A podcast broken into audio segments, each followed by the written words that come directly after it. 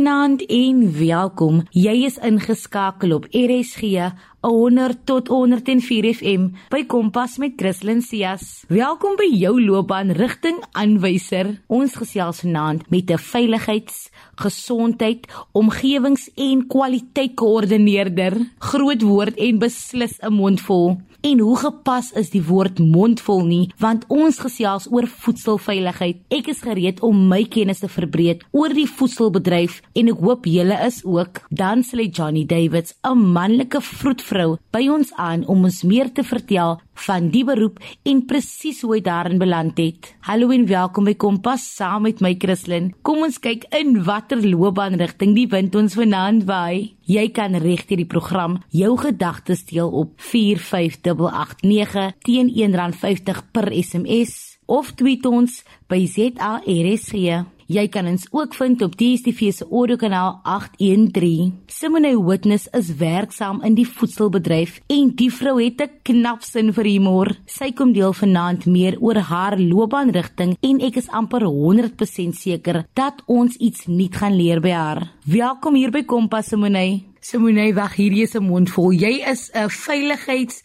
gesondheid, omgewings en kwantiteitskoördineerder. Sjoe, dit het nou omtrent gevoel soos 'n wiskundige vraestel wat ek ook nou amper gedryf het. Nou ek weet nie van die luisteraars nie, maar ek het geen idee wat dit is nie. Kan jy vir ons 'n bietjie meer uitbrei oor wat dit is? Hi Christlyn.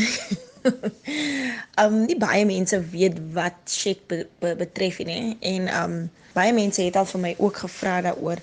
Maar check, die afkorting staan basically vir safety, health, environmental en quality.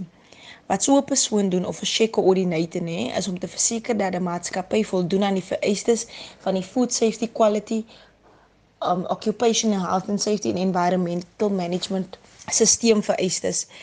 Daai standaarde wat ek nou daar genoem het, is drie verskillende standaarde. Maatskappye word ook jaarliks deur sertifiseringsfirmas geaudit nê om te verseker maar om te verseker dat hulle wel aan die standaarde voldoen.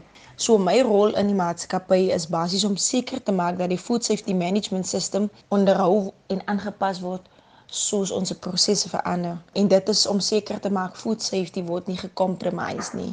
Mense dink is fancy, maar dit is eintlik baie eenvoudig. Wat behels jou werk? Wat doen jy op 'n daaglikse basis? Op 'n daaglikse basis doen ek nogal redelik baie.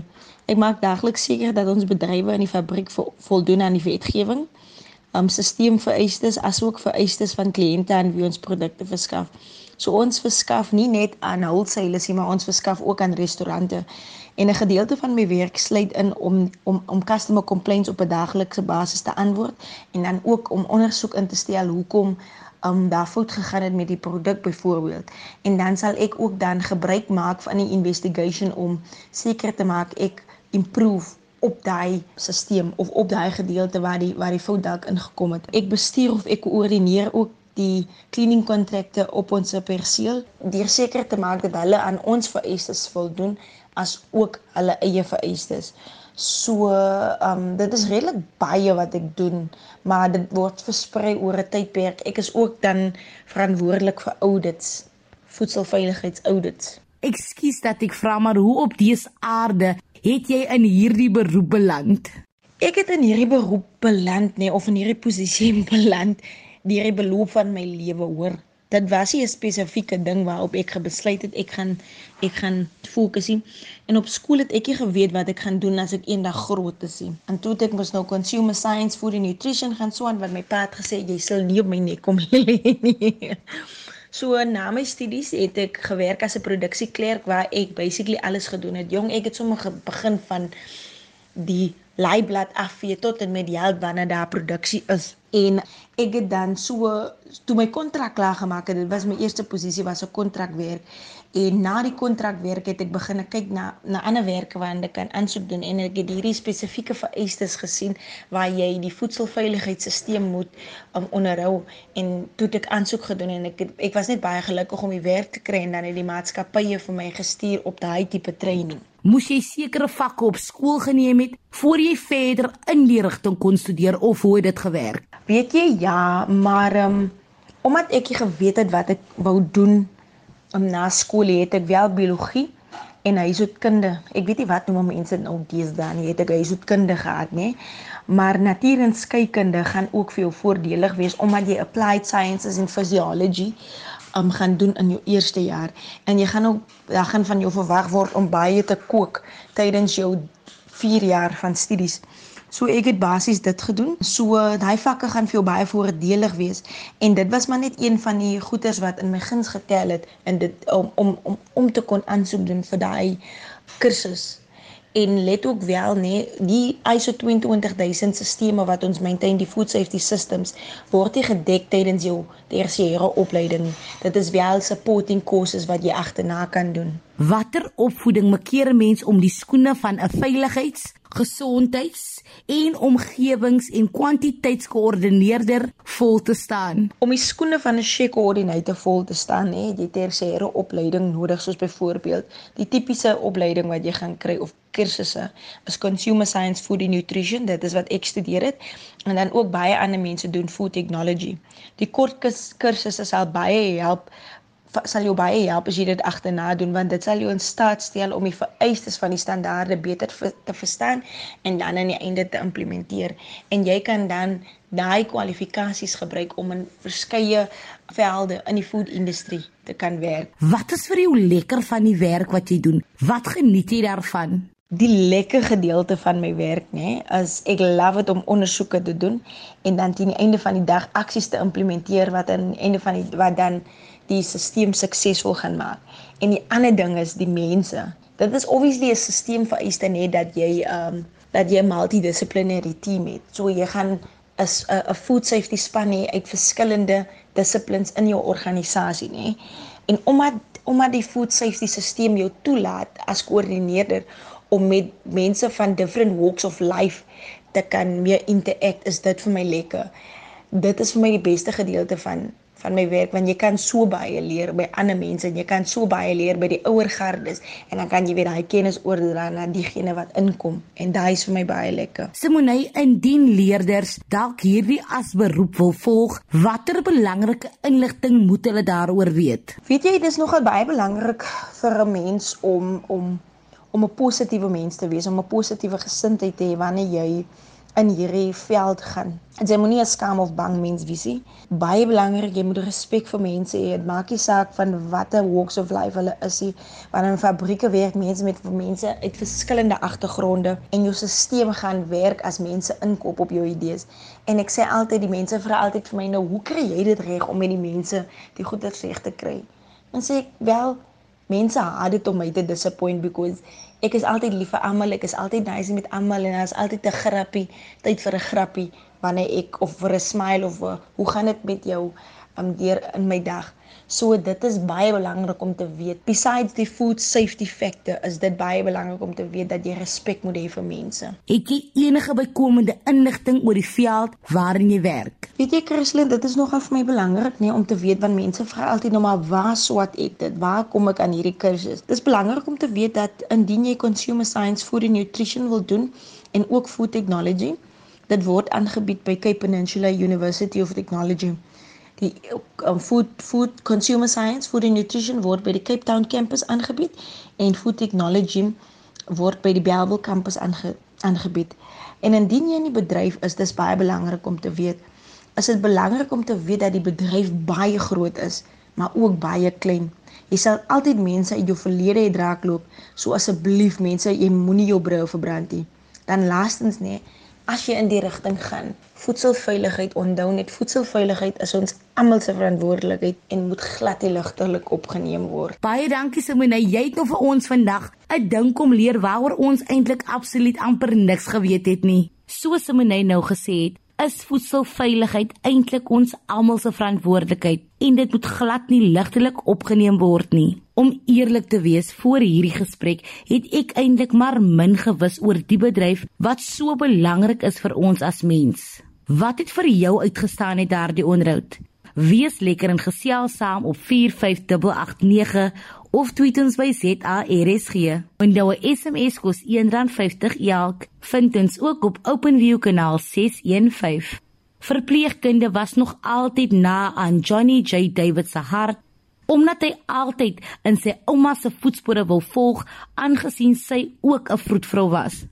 Dit is sy ouma se einste stories oor swangerskap en die geboorte van 'n kind wat hom al meer in die rigting gedryf het. Ons heet jou welkom hier by Kompas Johnny. Johnny, waar is jy gebore en van waar jou liefde vir die medisyne? Ek is gebore in Makassar. Ek is die derde oudste van 4 kinders. Ek het nou eventually groot geword by my ouma en oupa in Calvinia en daar het ek skool gegaan. So my liefde vir medies het ontstaan deur 'n loopbaansuitstalling wat die skool altyd elke jaar gehou het. En ook in my agterkop het ek gehou dat my ouma was 'n voetvrou. Daai tyd by die plaaslike hospitaal gewees. So dit was baie lekker gewees om te luister hoe sy altyd die stories vertel vir ons en ek het altyd um aandagtig geluister vir al in matriek toe ons die voorplantingsstelsel doen en hoe kraamgedeeltes plaasvind en hoe die gebeure van kraam geskied tot 'n baba groot word etc etc. So my liefde het en ek begin het stam uiteindelik uit 'n baie persoonlike perspektief uit. Dit is danksy my ouma en loopbaan uitstallings dat ek in die huidige posisie is. Jong dit wys net weer eens hoe belangrik loopbaan sessies by skole kan wees. 'n Manlike vroedvrou kan jy dan meer? Wat is 'n vroedvrou en wat behels jou werk as vroedvrou? Ja, nee, 'n manlike vroedvrou. So ek het altyd dit was altyd vir my baie interessant soos my ouma altyd die stories vertel hoe sy assist by die geboortes. Um hoe sy mense die sekere um advies gee wat om te doen gedurende 'n geboorte of 'n bevalling so dit het altyd vir my lekker getrigger en dit altyd vir my baie gelaat verder dink en dit het my so geïnspireer dat ek in dieselfde posisie as sy heidaglik is wat is 'n voetvrou en wat behels jou werk. So as 'n voetvrou beteken dit jy is met 'n vrou gedurende 'n bevalling of gedurende 'n kraam of gedurende swangerskap.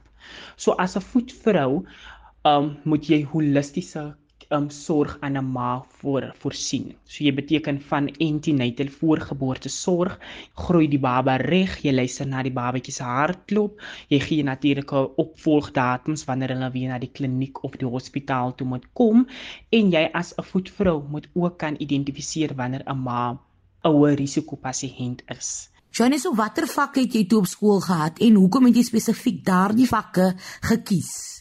Ek het altyd geweet ek gaan wetenskap vakke doen. So ek het die groot 5 gehad of soos hulle sê die big 5.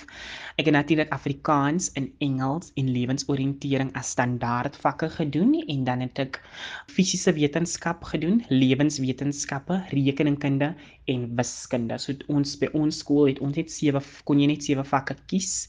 Daar was ook 'n vak wat hulle later beskikbaar gestel het addisionele wiskunde, maar ek het geweet ek sal nooit in 'n wiskundige rigting in wou gaan nie. Dis hoekom ek nooit daarna ge, gekyk eers nie. Maar die wiskunde, maar die wetenskapvak het my altyd in staat gekan stel om te kan doen wat ek nou doen.